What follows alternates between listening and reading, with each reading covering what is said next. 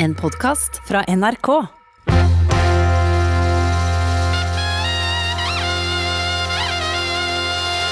Påskelabyrinten.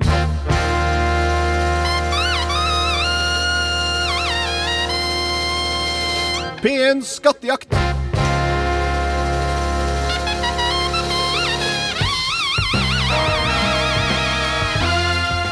Riktig god skjær torsdags eh, formiddag, og velkommen til det som skulle vært Påskelabyrinten. Jeg har nemlig fått en melding fra statsråd Bent Høie som sier at regjeringa har pålagt alle nordmenn om å holde seg hjemme og ikke reise noen sted. Og Påskelabyrinten har vært både i USA, i Storbritannia og i Sverige, uten å overholde karantenebestemmelsene. Derfor Påskelabyrinten må opphøre med øyeblikkelig virkning, sier statsråd Bent Høie. Da har ikke jeg noe valg. Det blir ikke noe påskelabyrint.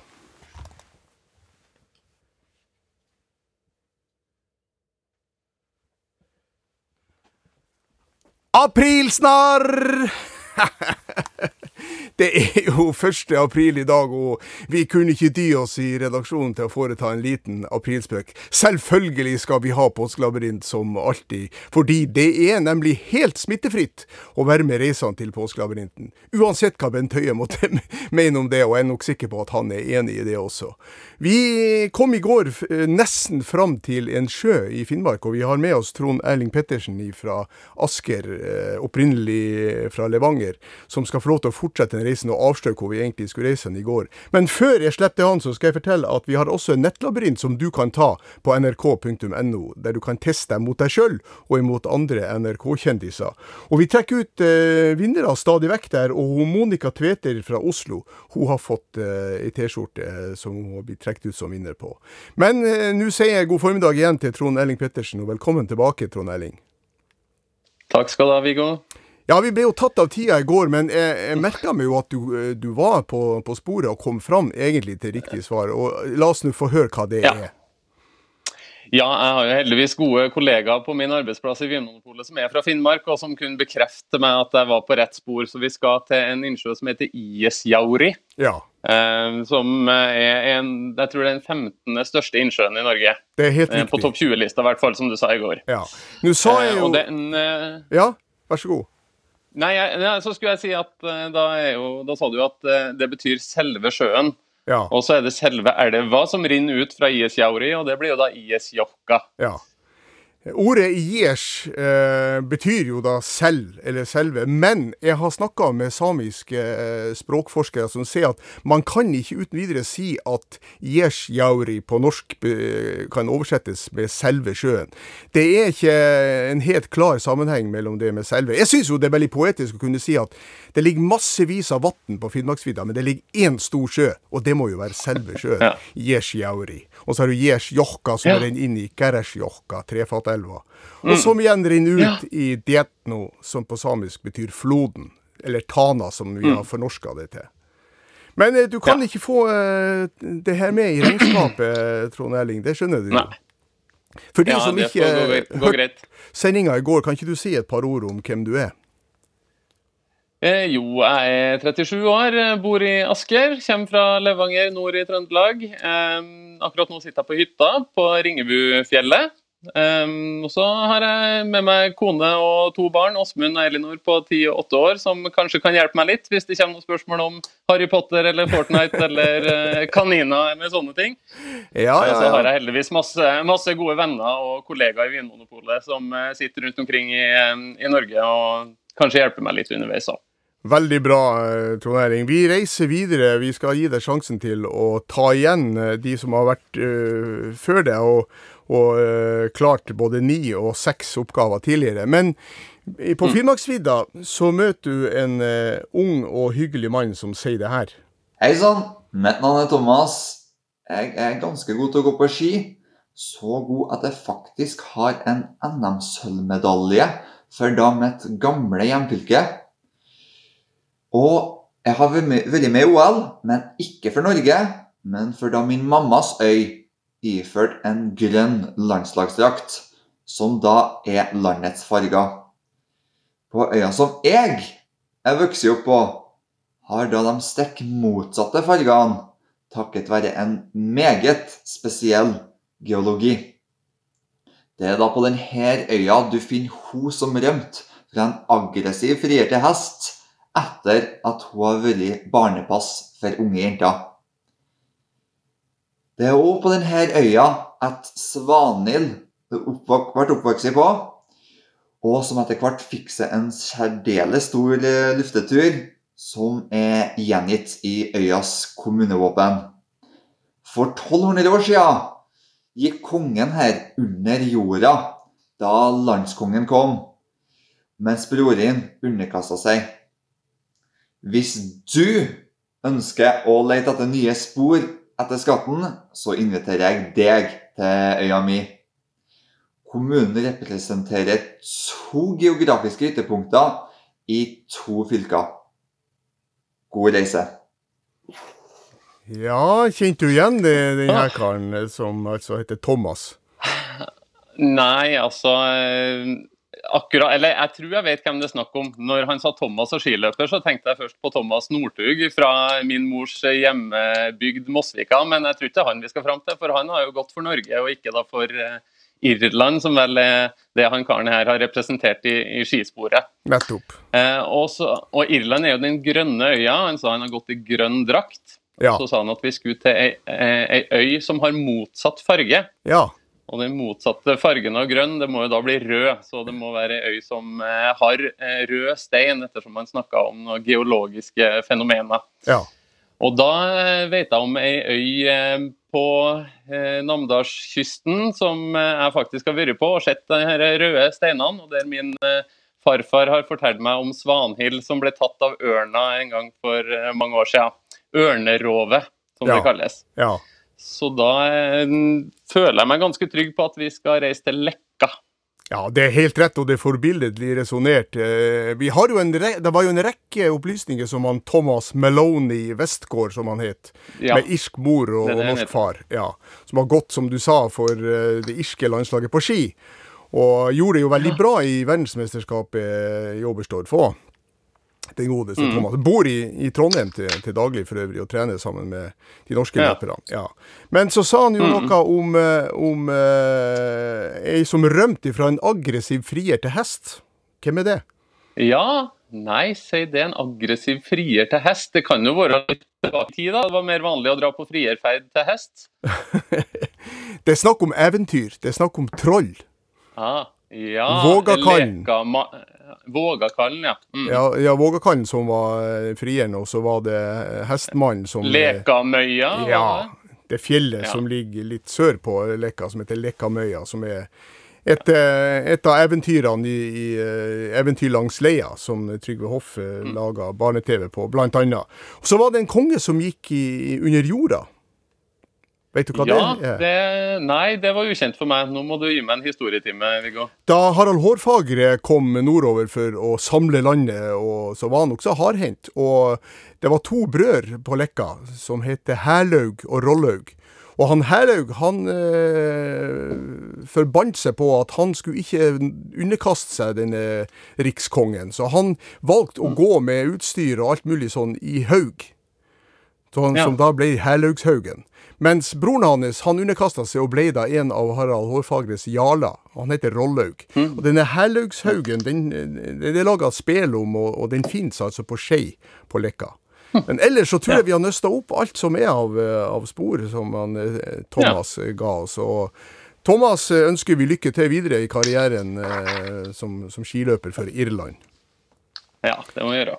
På Leka så møter du en norsk idrettsutøver igjen, som til daglig holder til på en arbeidsplass som kan romme over 80 000 mennesker.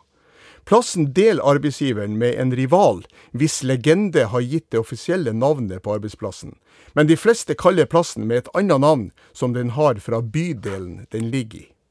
Arbeidsgiveren hans er vant til å vike plass for viktige arrangement, både verdensmesterskapet i 34, Europamesterskapet i 80 og på nytt VM i 90. Og om fem år skal de på nytt vike plass, men denne gangen for et stort vinterarrangement i februar. Det blir tredje gang på 70 år at regionen arrangerer et sånt stevne, og fjerde gang at landet får lov til å arrangere et sånt omfattende arrangement. Og nordmannen inviterer med til byen der han har bodd siden i fjor høst. Hvor skal vi reise nå? Vi skal til en by. Ja. Jeg har vært i den byen nå, faktisk. Ja jeg, har ikke vært, på den fotballstadion som eh, ble nevnt her. For jeg tror det er en fotballstadion med plass til 80 000. Ja. Eh, og det tror jeg mitt kjære Rosenborg har gjort en bragd for eh, en god del år siden. Ja. Da Vegard Heggem steg til værs og stanga inn 2-1-målet. ja, jeg var der. Eh, og- Jeg var der, eh, Trond Erling. Og så det. Ja, på, vi, San, på San Siro, eller på Giuseppe Meazza, som den vel egentlig heter, oppkalt etter legenden fra Giuseppe. Meazza. Og hva heter rivalen? Fra? Inter. Ja. Fra Inter. ja. Ja. Eh, og da er jo bilen, eh, byen naturligvis eh, Milano. Og hva skal de arrangere? Eh, de skal vel arrangere vinter-OL? Ja. ja. Ja. Sammen med Cortina. Eh, om- sammen med Cortina d'Ampezzo. Mm. Ja. Og det var vel OL sist i Torino i 2006. Ja, så da blir det tredje gangen de skal arrangere vinter-OL. Men fjerde gang de skal arrangere OL, for det var et OL også eh, i sommer-OL. I Roma. Ja, riktig. Ja. riktig. Hvilken nordmann er det som eh, holder til på denne arbeidsplassen? Ja, det er vel han eh, Jens Petter Hauge som eh, gjorde det så skarpt for Bodø-Glimt i eh, fjorårssesongen, og som eh, vel har skåra noen mål for Milan nå i Europaligaen. Ja, helt riktig. Og de spilte jo, Bodø Glimt spilte jo mot uh, Milan, og det var vel sånn Ja. han ble oppdaga, da. Jens Petter Hauge, som jo har gjort uh, karriere også på landslaget, sammen med flere andre gamle Bodø Glimt-spillere. Nei, det syns jeg var en meget godt resonnement og meget godt løst, så da er vi altså oppe i fire reisemål. I Milano eh, så møter du en norsk mann som sier han har vært sitt tilmålte halve år på en stasjon med navn etter langdistansenavigasjon, og som sprenger grensene for norsk beliggenhet. Han sier at stasjonen utgjør en slags hovedstad på ei øy som har navn etter en utenlandsk skipper. Selve stasjonen, eller byen, har navn etter den flerkulturelle mann som hjalp Amundsen med kontakt med omverdenen under hans ferd på Dronningen. Og skal du lande med fly, så kan du gjøre det på flystripa med nesten samme navn som hun med det platinablonde håret som døde i ei bilulykke. Ja, du verden. Eh, da må vi vel til et eh, norsk territorium. Du sa det skulle sprenge grensene for norsk beliggenhet. Ja. Så det ligger vel et stykke unna det norske fastlandet, det her, da. i hvert Ja. fall. Ja. Eh, og i polare strøk, da, gjetter jeg på. Eh, og ikke nødvendigvis polare strøk på vår halvkule, men kanskje vi skal eh, på den sørlige halvkule, siden du sa at det sprenger grensene. Tja, Tja. Og så var du inne da på at han har vært sitt tilmålte halve år på Ja. en stasjon. Så det må høres ut som det kan være en forskningsstasjon av noe slag. Eh, det er jo folk som driver med både meteorologi og Ja. eh, forskning eh, ulike steder. ja. Det er det jo. Du ja. og så sa du at det var ei øy, gjorde du ikke det? Som Ja. var oppkalt etter en utenlandsk skipper. Ja. Ja. Og hovedstaden på øya her ja. var den vi skulle fram til. Hovedstad i anførselstegn, da, kan vi kanskje si. Som Ja. navnet til en flerkulturell mann som hjalp Amundsen med kontakt med omverdenen. Og skal du Ja. lande med fly, så er det ei flystripe som har nesten samme navn som hun med det platinablonde håret, som døde i ei ulykke. Ja, bilulykke. og det høres vel kanskje ut som eh, fyrstinne Grace som eh, døde i en bilulykke. OK? Ehm, eller om det kan være eh, Diana, som òg var blond og døde i bilulykke. Det er jo mange kjente kvinner som har gjort det, da. Ja. Um, ja, skal vi se. Vi har jo, det er jo områder på den nordlige halvkule også som tilhører Norge. Du har Jan Mayen, f.eks. Ja. Det har du. Um, som ligger ute i Norskehavet, og der det er noen eh, nordmenn som, um, som holdt jeg på å si, er stasjonert ut. Ja. Um, men om det er noe flystripe der, det er jeg jammen ikke sikker på. Ellers, men Jan Mayen, jeg vet ikke om det er en utenlandsk skipper. Du har òg det som heter Bouvetøya, som er ei øy som tilhører Norge. og Det høres kanskje mer ut som et navn på en utenlandsk eh, skipper. Bouvet. Eh, men sa du at vi skulle fram til øya, eller skulle vi til navnet på stasjonen? Vi skal uh, fram til byen eller stasjonen, om du vil. Byen er Ja, kanskje et stikkord eh, her. Ja, OK, men er det noe by på Bouvetøya, da, tru? Ja, er det det? Eh, Er det noe by på Nei, jeg, jeg, har aldri, jeg har aldri vært der, men det er vel så vidt jeg vet en sånn ubebodd eh, øy. Så da kan det vel heller hende at Jan Mayen kanskje da var en eh, utenlandsk skipper. Um, Ja, det var han jo. Men jeg, jeg, har ikke, jeg har ikke vært på Jan Mayen heller, men hva kan det hete Altså, det er jo et fjell der som er oppkalt etter en skipper som heter Berenberg. Eller som er i hvert fall oppkalt etter en utenlandsk oppdager. Um, Men det er ikke fjellet vi skal til. Vi skal til byen. Ja. Hmm. Og så var det hun herre dama som um, Som er Nei, ja, vent nå litt.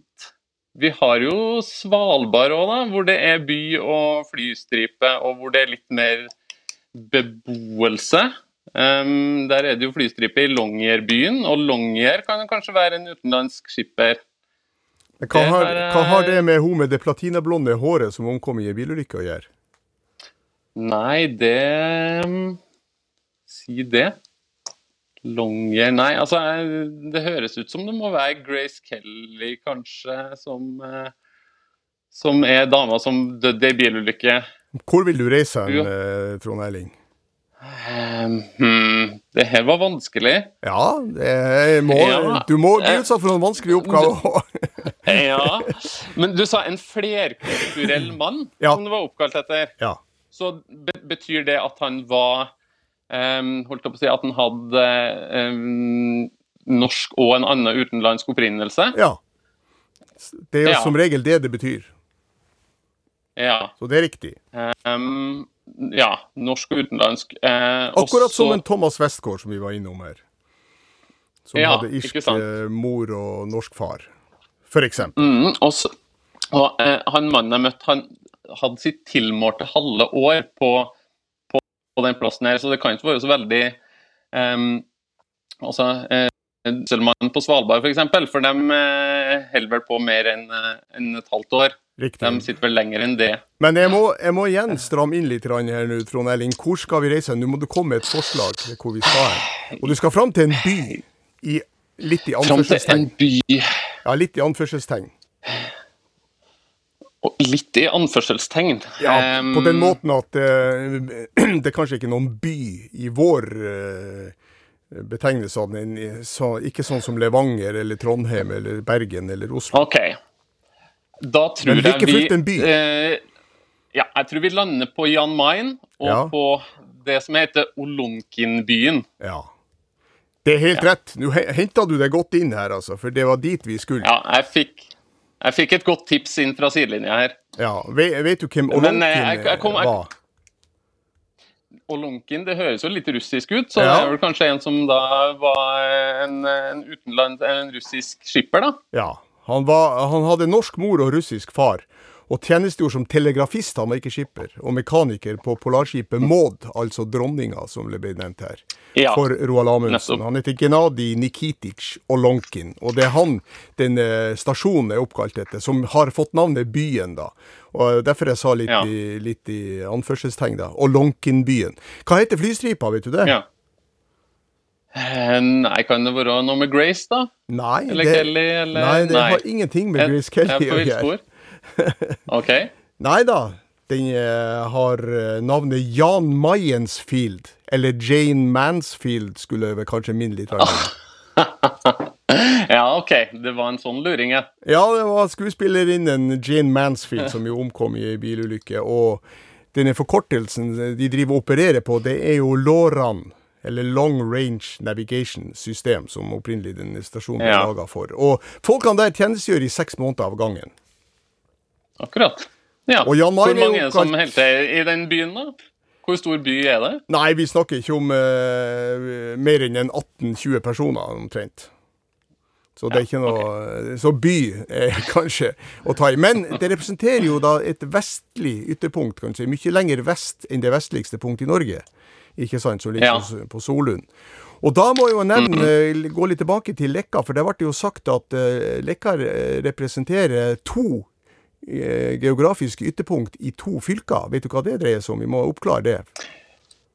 Ja, det må vel være noe av det nordligste i Trøndelag, Ja. kanskje? Nordligste punkt i Ja. Trøndelag. Ja. Punktet i Trøndelag. og kanskje òg det vestligste punktet i Trøndelag? Nei, det vestligste punkt i Nordland. Nei. Fordi Ah. fylkesgrensen mellom Trøndelag og Nordland går over Høgbrakan, som er nordvest for uh, Leka øya, da. Og eh, Akkurat. representerer det vestligste punktet i Nordland. Og i den forbindelsen så må jeg sende en hilsen til Martin Egger på Statens kartverk, som har hjulpet meg med å lage en oversikt på fritida si, faktisk, av alle ytterpunktene i alle norske kommuner. Det er litt Oi. av en bragd. Ja. Jeg har en god kompis som jobber med kart. Jeg vet de, de er ordentlig flinke nerder, de som driver med sånne ting. Ja, det, det er godt å ha Statens kartverk å kunne ty til, for meg i hvert fall, som er litt halvveis geografinerd sjøl. De har hjulpet meg mer enn én gang. Men vi reiser til Jan Mayen og Lonkenbyen, og der møter du en kulturhistoriker som vil ha deg med til et sommersted som ble satt fyr på for vel 50 år siden av en psykisk syk kvinne, som trodde den berømte eieren av sommerstedet har lova henne ekteskap. Til tross for at han var gift med sin Astrid. Her spretter eierens alter ego ut av senga med en skratt, og ser at fire blomster allerede har slått ut. Nyresildre, marianøkleblom, kattefot og marsfiol. Hvor skal vi reise nå? Oi, ja meg. En kulturhistoriker, ja. Så det høres ut som vi skal inn i kulturens verden. Om det kan være musikk eller litteratur. Kanskje, kanskje musikk. Det var veldig lyriske blomster du leste opp der. Ja. Du sa nyresildre, og så Ja. sa du kattefot. ja. Maria Nøkleblom og marsfiol. Maria Nøkleblom. Ja. Marsfiol Altså, det høres jo veldig poetisk ut, det her, så Ja. det kan kanskje være en sangtekst. Ja, det tror jeg. Um, og, vi, um, og så sa du at det er et sommersted vi skal fram til. ja. Uh, så da eh, høres det ut som det er noen som da holder i, eh, i eh, nordiske strøk, hvor det, hvor det er vinter og man gleder seg til å komme på ja. sommerstedet. Absolutt. Absolutt. Em, og da eh, skal vi nok kanskje til Norge eller Sverige. Vi har jo vært innom Evert Taube tidligere i, Ja. i Labyrinten. Det har vi. Eh, så det er jo mulig at du har eh, beveget deg i den retningen igjen, da. Um, og um, må jeg tenke meg om Altså, blomster vokser jo på en eh, en mark, så jeg vet jo at det er en sang som jeg kan litt, grann, som heter 'Englamarken', men eh, jeg er usikker på om det er akkurat den blomsteren som vokser der. Um, eller om det var Evert Taube i det hele tatt, da. Um, Vi skal til et mm, sted Ja.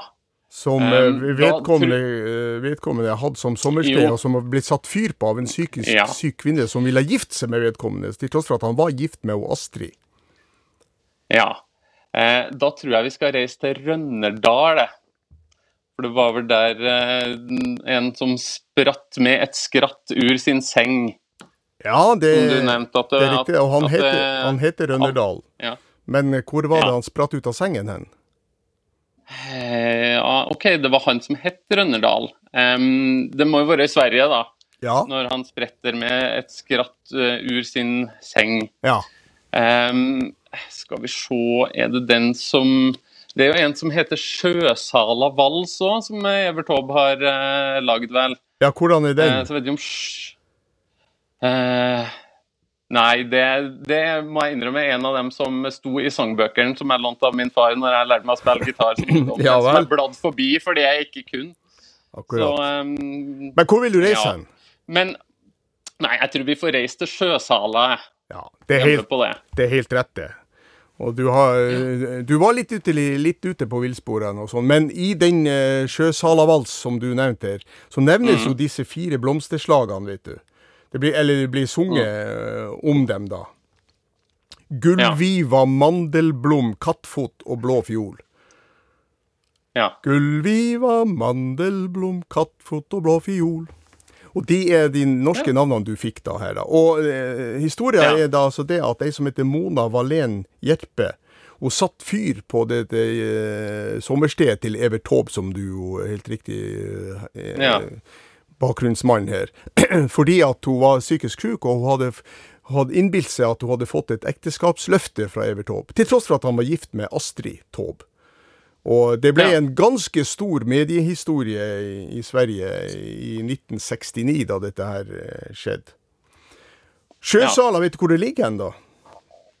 Det må vel ligge i eh, skjærgården utenfor Stockholm, antageligvis. Ja. Det er jo mange flotte plasser uti der. Ja. Eh, Jeg er jo vokst opp med vi på Saltkråkene, så jeg ser jo for meg landskapet Ja. uti der. Det er jo to distrikt som er ganske eh, mye omtalt. Det er jo da skjærgården utenfor Göteborg, og så er det skjærgården utenfor Stockholm. Og det er eh, der Sjøsala ligger, på sørøst for Värmdø, i den søndre delen av Stockholms skjærgård.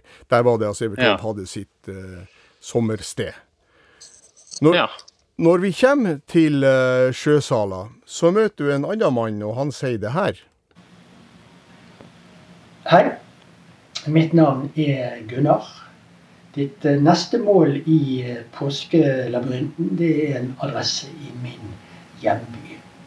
Det er kontoret til en eh, åndelig sønn av meg, rovdyret i helligdommen. Han kan du stifte bekjentskap med omtrent 20 ganger hvis du vil, og han er temmelig nøyaktig fem år eldre enn. Kontoret ligger med utsikt mot en eh, stor åpen plass med et marked. Og eh, kommer du i tvil, så kan du kontakte turistinformasjonen. De vet garantert hvor du skal hen. Lykke til! Ja, hvem var det her? Det her var en bergenser, høres det ut som. Og når han sier at han heter Gunnar og er åndelig opphav til et rovdyr, så tror jeg det må være Gunnar Staalesen, som er krimforfatter. Ja, og hvilket rovdyr du, som du nevnte her nå, da er han opphavet til? Ja, det er Varg Veum. Ja. Hvem er han? Ja. Nei, han er vel privatdetektiv som vandrer rundt i Bergen og løser mysterier, litt som Harry Hole gjør i Oslo. Ja, det stemmer det. Du er på sporet, men eh, så skulle du altså fram Ja. til et ganske konkret eh, reisemål. Og eh, hvor vil du reise Ja. da? I Bergen? Jo, han eh, har jo kontoret sitt på Strandkaien i Bergen. Jeg Nummer- ville ha sagt Strandkaia kanskje, men Strandkaien heter det i Bergen. Og det er Strandkaien nummer to. Der er det vel også satt opp en statue av Varg Veum de siste årene, tror jeg. For å markere plassen der han har kontoret sitt. Den tok du på strak arm, vil jeg si, Trond eh, Erling, for det var helt rett. eh, Og det var Gunnar Staalesen. Hva betyr egentlig hva er, hva er, Hvilket ordspill er det Varg Veum henspiller på? Vet du det? Nei, det er jeg mer usikker på. Jeg har lest noen av bøkene, men akkurat eh, etymologien til navnet har ikke jeg satt meg så mye inn i. Har du hørt om Vargr i Veum? Nei. I norskundervisninga di på videregående skole på Levanger, så har du sikkert eh, vært borti det uttrykket som betyr at en som eh, er fredløs, han er varg i veum. Altså ve, ved er jo helligdom i norrøn Ja. eh, sammenheng. Og, og, og det å være varg, eller ulv i helligdommen, det å være fredløs. Vargr i veum. Ja. Ja, da, da får min bror som er norsklærer ta meg litt i skole da, i etterkant av labyrinten, kanskje. Han sitter sikkert og gnir seg i hendene nå, da.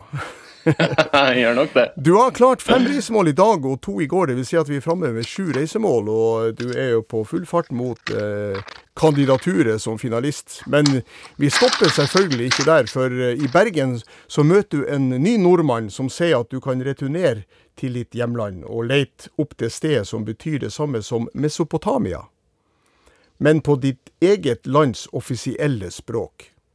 Stedet er et trafikknutepunkt der byveien tar av fra stamveien med bokstav. Her lå en av de fem sentralene i den statlige samferdselsetaten, til den for 18 år siden ble flytta langt sør i nabofylket. Og mange tilbringer påska si nettopp her, i nærheten av det gamle fylkets største alpinsenter.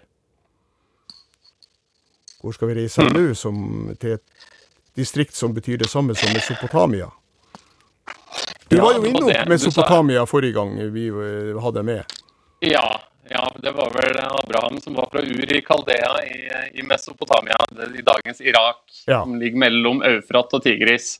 Ja. Eh, så mellom to elver, da, antageligvis, eh, at det kan bety eh, Du sa det var en nordmann jeg møtte, og han sa jeg skulle returnere til mitt eget hjemland. ja. Og til et område som betyr det samme som Mesopotamia, men Ja. på mitt språk, altså på norsk.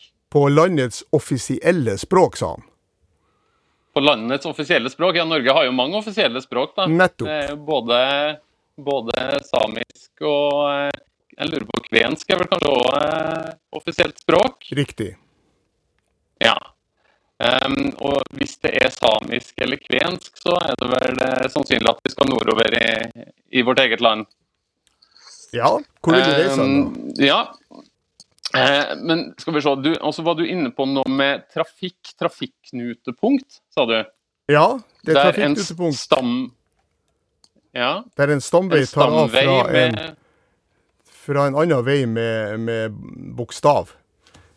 Byveien, Ja, sa, sa han. Byveien tar av fra stamveien med bokstav. Byveien tar av. Så det er en vei som går til en by, Ja, antageligvis da? ja det må det være. Som tar, av fra, som tar av fra stamveien med bokstav, som Ja. da er, må være en europavei, antageligvis da. Ja. E6, eh, sannsynligvis. Hvis vi skal nordover i Norge, så går jo E6 eh, nordover, som eh, mitt kjære DDE synger om. Ja, Eh, og så nevnte du noe med en etat. ja. Hva var det, Hva var En- det for noe? Etat eh, har hatt sitt eh, Sitt eh, Hva var det jeg sa? Jeg må nesten gå tilbake til manuset mitt. En sentral.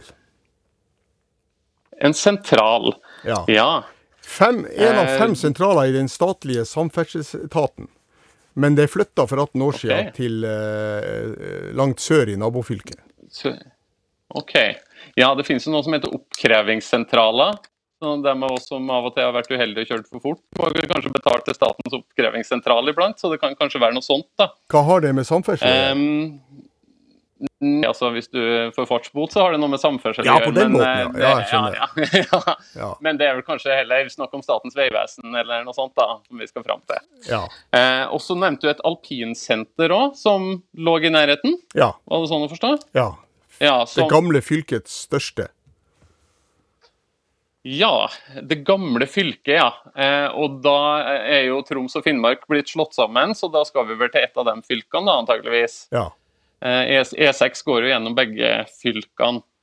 Um, og eh, kanskje vi skal gamble på at vi skal til Finnmark, og at det er noe samisk. At eh, vi skal til et område som betyr mellom to elver på samisk. Ja.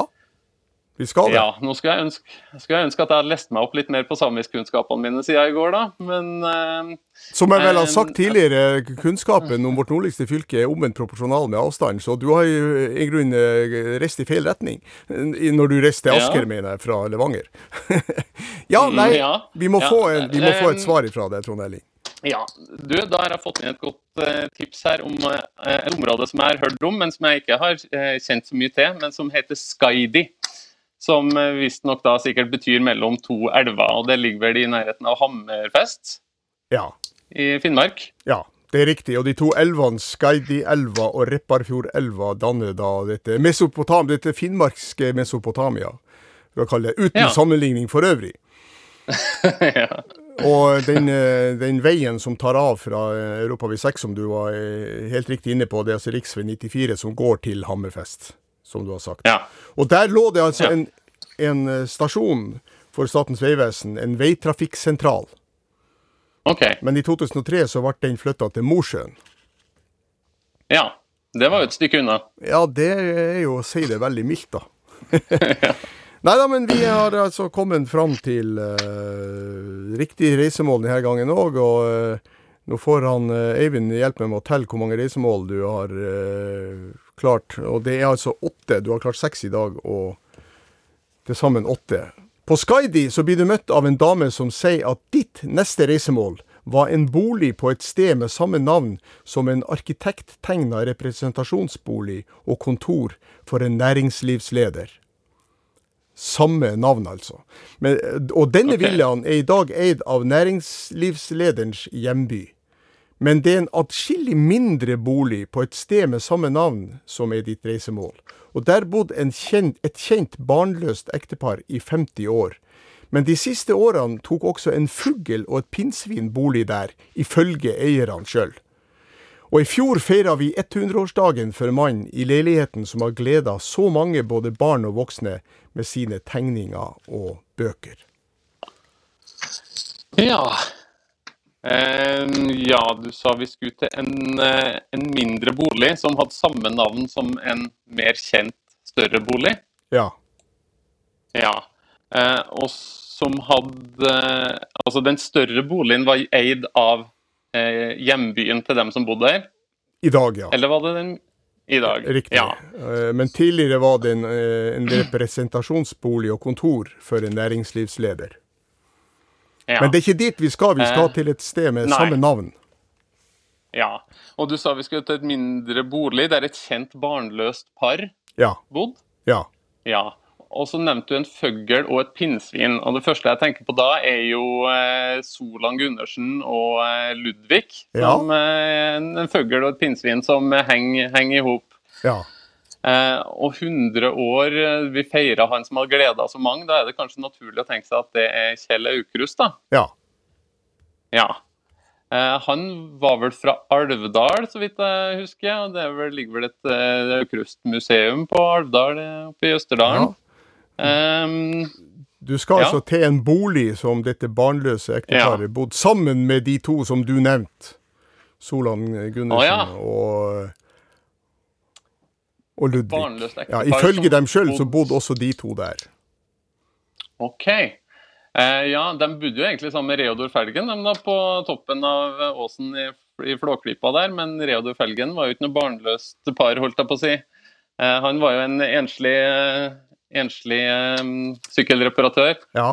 Um, men Aukrust har vel sikkert bodd uh, andre plasser enn i Alvdal òg. Han holdt Ja. til i Oslo en periode. ja. Um, men et kjent barnløst par Jeg lurer jo på om Aukrust fikk unger. Er det et annet par enn uh, Aukrust som vi skal fram til, som er det barnløse paret? Du stiller spørsmål. Mitt, det er mitt kall å stille spørsmål. Du skal bare svare, Trond Erling. Ja, for altså, du har jo eh, Anne-Kat. Vestli også, som har gleda veldig mange. og Var ikke hun ei som ikke fikk barn? Som jeg lurer på um, har en eller annen connection med Kjell Aukrust, uten at jeg er helt sikker på det. Nei, vi må få, vi må få et Um, konkret svar, Trond Erling. Vi, eh, Ok. Skattejegerne står i kø, Ja. som du vet. Ja, eh, ok. Nei, men da, da er det vel Kjell Aukrust vi skal til, da. Men en mindre bolig. Det høres ut som en leilighet i, eh, i Oslo en plass. Ja. Ehm, og da lurer jeg på om han holdt det opp på, på Nordstrand i Oslo. Ehm, at ehm, det nå er en ehm, eh, har blitt et slags sånn museum. At det er et, eh, et eh, utstillingslokale eller en, et museum der Kjell Aukrust bodde på Nordstrand i Oslo. Vi, vi, må, men vi må nærmere fram til et sted enn det du eh, nevner. Og da må jeg bare minne på igjen om at eh, det har samme navn som en representasjonsbolig for en stor næringslivsleder et helt annet sted, som i dag er museum og eid av byen han bodde i. Ja. Eh, næringslivsleder. Da eh, er det noe som heter Midtåsen, eh, får jeg tips om her. Så da, det høres ut som et, eh, et staselig representasjonshus. Så eh, vi får gamble på Midtåsen da, på, på Nordstrand i Oslo. Og du vet at Midtåsen ligger på Nordstrand? Eh, det, det er det tipset jeg har fått inn eh, fra sida her, så da får jeg bare stole på dem som har sendt meg en melding. Hvor ligger representasjonsboligen Midtåsen, da? Hvilken by og hvilken næringslivsleder er det snakk om? Nei, det er jeg veldig usikker på, men det Det er en skipsreder. En skipsreder? Er det Fred Olsen, da, kanskje? Nei, det er det ikke. Nei. Det er Anders Eh, Jare. Anders Jare i Sandefjord, da. Ja, riktig. Men eh, du kom fram til Midtåsen, for det er nemlig et boligstrøk på Nordstrand der Kari og Akkurat. Kjell Aukrust bodde i gjennom 50 år. Og de fortalte at de også hadde fått eh, adoptert på en slags måte da både Ludvig og Solan Gundersen, som også bodde i denne leiligheten, det hevda de, med krav på å bli Ja. trudd. Og det er 100 år siden, det var 100 år siden i fjor at Kjell Aukrust ble født i alderen Ja. i 1920. Ja da, vi Ja, det, gikk vel, det eh, gikk vel en eh, TV-serie om Aukrust òg på NRK i fjor som var, som var mye sett, så jeg fikk med meg at eh, han var jubileums, jubileumsmann i fjor. for å si det sånn. ser ikke bort ifra at nettopp den TV-serien var inspirasjonen for denne oppgaven.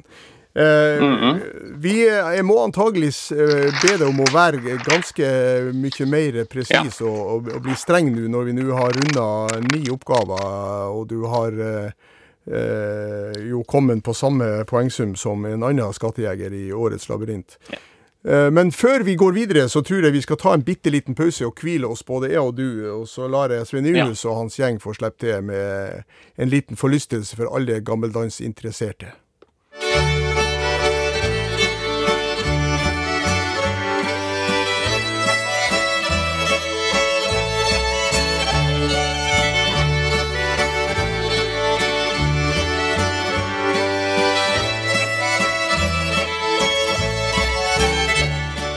Har du hørt at P1 har en jakt for lyttere som har påskevakt på påskefjellet? Har de radio med seg brakt, og telefon kom som ekspressfrakt. Den har de jo ikke satt fram skakt, for nå skal de sette ut i makt alle de planer som ble lagt den gang de inngikk en pakt før de på frokosten har smakt og spist av de brødene som ble bakt. Kler de på seg en skattejaktdrakt, man må jo vise seg i all sin prakt. Man finner fram en høretrakt, setter seg ned i full andakt og tar imot det tilbud man blir rakt. Her skal det ikke bli noe slakt. De slutter med nummeret i takt. 8, 15, 2, 10, 3, 1 har jeg sagt.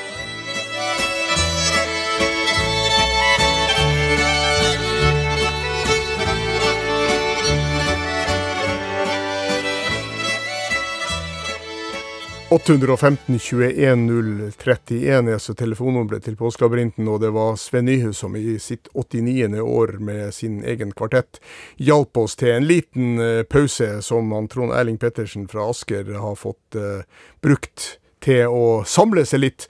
Men vi iler videre i labyrinten, selvfølgelig, Trond Erling. Og i Oslo så møter du nok en hyggelig mann.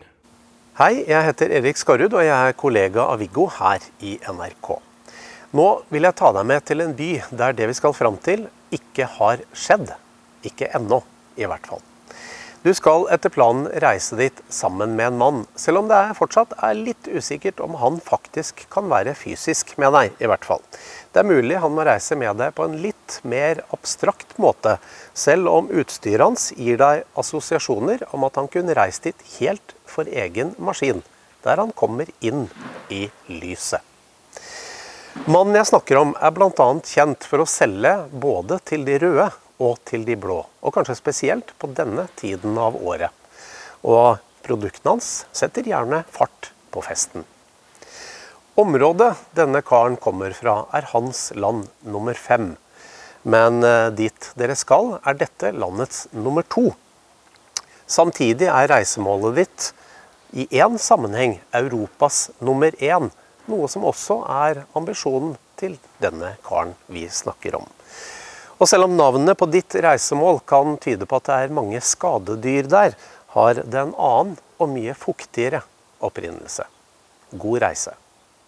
Ja, hvilken by skal vi reise til nå, Trond Erling? Å hjelpe meg, her var det mange opplysninger. Um, du sa en by det, det, er noe som ikke har skjedd ennå. Altså, det var det nevnt en kar som da var eh, som solgt både til de røde og til de blå. Ja. Og da er det første jeg tenker at det må være russen det er snakk om. Ja, um, det er det nok. Eh, eh, han selger utstyr, var det sånn å forstå? Eller han eh, Nei, han hadde noe utstyr som kunne tilsi at han kunne komme seg til eh, den byen her helt for egen maskin. Han sa at produktene gjerne setter fart på festen, var det Erik Skarud ja. sa. Ja. Produkter som setter fart på festen, ja. Det kan jo være så mangt, det. Det kan være både musikk og eh, fyrverkeri og alkohol ja. og eh, russeeffekter av mange slag, det. Eh, også, men så var det usikkert om han mannen her kunne være med fysisk til den byen. Ja. Eh, det kan jo ha med pandemien å gjøre. Kanskje han må være med i digital form. Ja. Um, ja. Eh, når jeg tenker på russen, så tenker jeg på eh, en som er kjent for å skrive russelåter. En artist som eh, vant Melodi Grand Prix i år. Ja. Som heter, kaller seg for Tix. Og han skal jo være med i den internasjonale finalen i Grand Prix, som skal avholdes i Rotterdam. Og Det ble jo nevnt skadedyr her, og rotte er jo en type skadedyr. Så det høres ut som vi skal til det, det internasjonale Grand Prix-finalen i Rotterdam i Nederland. Det er helt rett, og du har nøsta opp nesten alle de tingene som du fikk vite. Bortsett fra det at uh, denne byen er nummer to i sitt land, og han kommer fra nummer fem i sitt land, Tix. Hvilke kommuner ja. er det snakk om da? Eh, Tix er fra Bærum, ja. den folkerike nabokommunen til min hjemkommune Asker. Ja. ja. Mm -hmm. det det... Og Rotterdam er vel den nest største byen i Nederland. Ja, og så sa du at det, det har ikke noe med rotte å gjøre. Vet du hva navnet kommer fra? Noe mye fuktigere, som Erik Skarud sa. Nei, det er mye kanaler i Nederland. Det er vel noen myrer. Og, altså, det, det, er mye vann i Nederland, men akkurat hva rotter betyr, det vet ikke jeg. Det er en dam i elva Rotte som heter Rotterdam. Ah, ja, ja. selvfølgelig. Ja. ja Rotterdam. Mm. Ja, da har du altså klart eh, ti oppgaver og tatt den suverene ledelsen eh, i eh, årets labyrint. De har litt eh, dårlig forbindelse til deg. Vi håper at det, det, bedrer, ja, det, bedrer, seg. Ja, det er litt sånn hakking på, på linja fra det. Men eh, i Rotterdam så ser du et opptak av en hvithåra mann i slutten av 70-årene som småspring fram til en talerstol der han rørt takker for tilliten. Han understreker at han er spesielt stolt av å få takk for tilliten i sin egen hjemby. Og på talerstolen ser du det trykt 'Waterfront' på fronten og byens navn begynner på samme forbokstav. Hvor skal vi reise nå? Eh, nei, jeg har jo fulgt med ganske mye på det amerikanske valget da, i fjor høst. Både på NRK og på CNN. Og der eh, så jeg mye til en hvithåra mann i slutten av 70-årene som, eh, som, av og til jogga fram til talerstolen før han tok av seg munnbindet og, og snakka til folket. Så det høres ut som det er president Joe Biden ja. eh, vi skal fram til. Ja, det det. Eh, og, og, han eh, har jo holdt de her folkemøtene i, i hjembyen sin, som, eh, eller der han, der han, bor. Han er vel født i, i, Pennsylvania, men han bor i en by som heter Wilmington. Og du vil reise til Wilmington. Ja. Og da slapp eh, Anders Magnus og Veronica Westrin, som har vært veldig aktiv nettopp under det amerikanske presidentvalget, som eh, du var inne på, og, og rettlede. For det er helt rett. Hvilken delstat ligger Wilmington i? Er det i Delaware? Ja, det er riktig. Det er i Delaware. Og der han sto og holdt talen som nyvalgt president, det var på Chase Center on the Waterfront i Wilmington, Delaware. Ja, vi eh, reiser til Wilmington, og der møter du Patrick Berg igjen. Han forteller at hans lag slo ut et litauisk lag i en europeisk kvalifisering i fjor. Laget har navn etter et slagsted som har stor historisk betydning for nettopp Litauen. Byen ligger i et naboland lenger vest og har navn på minst tre språk, som alle inneholder fargen grønn og skog. Dette slaget sto for 610 år siden og er omtalt i en polsk nobelprisvinners roman. Men også under første verdenskrig sto det et stort slag her, som også er omtalt i en annen roman. Nobelprisvinners roman. Men denne gangen er nobelprisvinneren russisk og tilhører den tapende part i slaget. Ja, Eh, Patrick Berg eh, spiller jo på Bodø-Glimt, og de eh, var jo med i, eh, i Europaligaen eh, i fjor. Eh, de møtte vel flere, lag, flere østeuropeiske lag dem i, i kvaliken til Europaligaen. Du sa at de slo ut et litauisk lag. Ja. Ja, Men så sa du et eller annet om et naboland. Det fikk ikke jeg helt med meg. Jeg sa det at laget har navnet til et slagsted som har stor historisk betydning for nettopp Litauen, men at denne byen du skal fram til, ligger i et naboland lenger vest, og har navn på tre ja. språk som alle inneholder fargen grønn og skog. Grønn og skog, så det landet Eller det hmm. Ja, altså det litauiske laget de spilte mot, det var vel eh, fra Vilnius, tror jeg, fra hovedstaden. Eh, også, men så møtte de òg et lag fra Kaunas, men det er vel kanskje ikke et litauisk lag? Uh, Hva het hmm. laget de møtte? For det er det jo, som er clouet uh, her. Ja. Um, de slo ut et lag som heter Spyris Kaunas. Uh, og så slo de vel ut noe som heter Salgiris Vilnius i neste runde. Ja. Um, ja. Men, og du sa vi skulle fram til et eh, et, en by eller Vi et skal fram til en by eh, som, der det har vært minst to slag. Både for 610 år siden og, eh, og under eh, eh, verdenskrigen. Ja, jeg har ikke hørt om noe slag i Vilnius, så da tror jeg vi bare gjetter på at det er Kaunas Eller nei, Kau, Kaunas betyr vel fra Kau- Kauno. Så du vil reise Kauno, til. Kauno. God dag, kjære skattejeger. Dette er Simen Ekern, korrespondent i Europa. Uheldigvis så har du havnet på feil sted, men det er ingen grunn til å være bekymret. Jeg skal hjelpe deg å finne veien hjem igjen med rett transportmiddel. Ja, da skjønner du at din reise i hvert fall foreløpig er slutt. Du har klart elleve oppgaver i Påskelabyrinten og er jo en klar kandidat til Ja. finalen. Men eh, jeg takker for, eh, for denne gangen, Trond Erling Pettersen fra Asker. Og så får du ha en fortsatt god påske eh, der du befinner deg på hytta. Takk i like måte. Så er det altså sånn at uh, hun Tordis Sofie Langseth i Leinesfjord hun befant seg på ei hytte eh, langt ute i havgapet i Steigen, der det var veldig dårlig dekning, og vi mista hun og har ikke svart feil på en eneste oppgave. og Derfor så er det rettferdig at Tordis får sjansen på nytt nå når hun har tatt veien hjem til Leinesfjord, der det forhåpentligvis er litt bedre eh, nettforbindelse enn det var ute på hytta der hun var. Velkommen tilbake, Tordis Sofie. Ja, takk for det. Du har en god forbindelse, ja.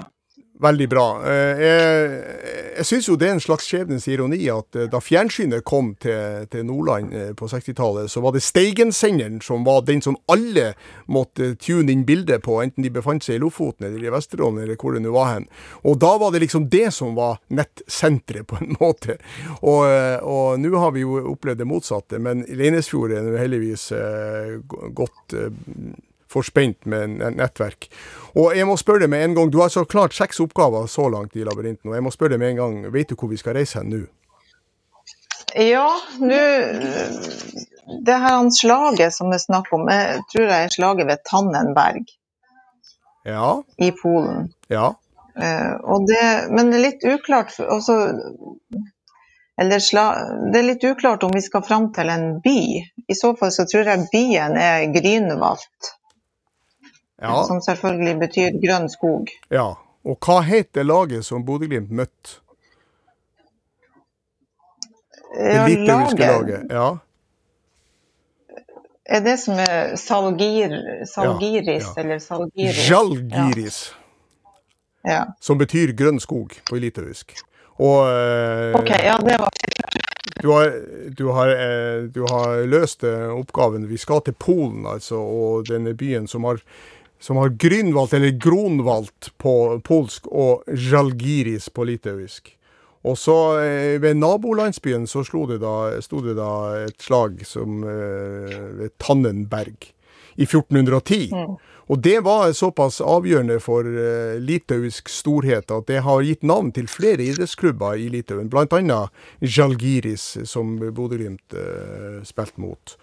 Og så var det et nytt slag da eh, under første verdenskrig, der eh, generalfeltmarskalk Paul von Hindenburg, som vi kanskje kjente fra historiebøkene, nedkjempa den andre russiske armé. armé. Og eh, det slaget er hovedtema i Aleksandr Solzjenitsyns roman, som ble nobelprisvinner. Men det var tyskerne som vant den gangen, altså. Og det sto også på samme område. Så Žalgiris var helt rett, eh, og du har klart én oppgave så langt. eh, Men vi gir oss ikke der, for i Jalgiris så møter du en mann kledd i rød og hvit fotballdrakt med et nesten kongelig emblem og bokstavene CAO på brystet. Han gir deg et bilde av en gruppe mennesker som sprenger for livet i trange, bro- brolagte gater, og vil ha det med til El Sadar. Han har også med seg en roman av Hemingway som har sol i tittelen.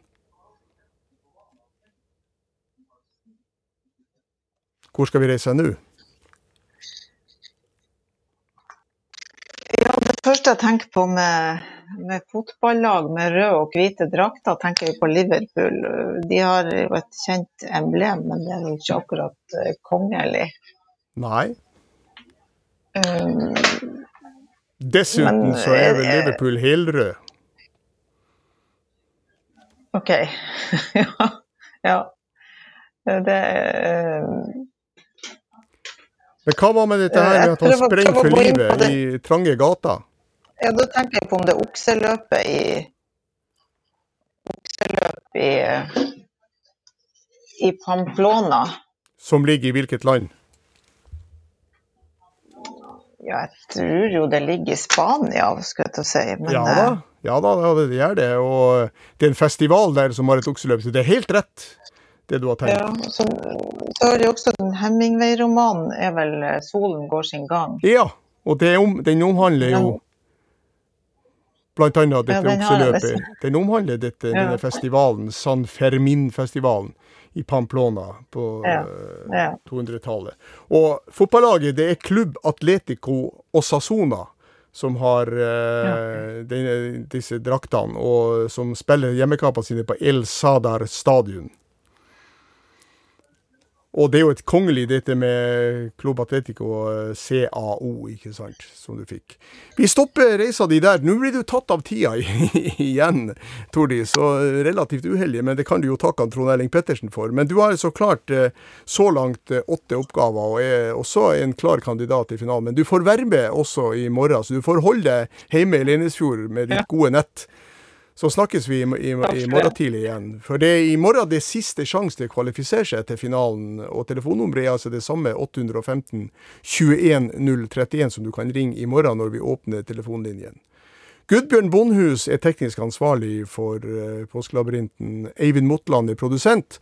Og jeg minner om at vi har et tilbud på P1 Pluss som heter Påskelabyrintens afterski, med Tande P og undertegnede, som utdyper litt av oppgavene, og der vi har med gjester og uh, lager en litt avslappa uh, times uh, radioprogram med litt gøy og litt artig. Og kanskje det blir det litt mer 1. april òg, da. Det vet jeg ikke. Men Påskelabyrinten nå er i hvert fall slutt for i dag.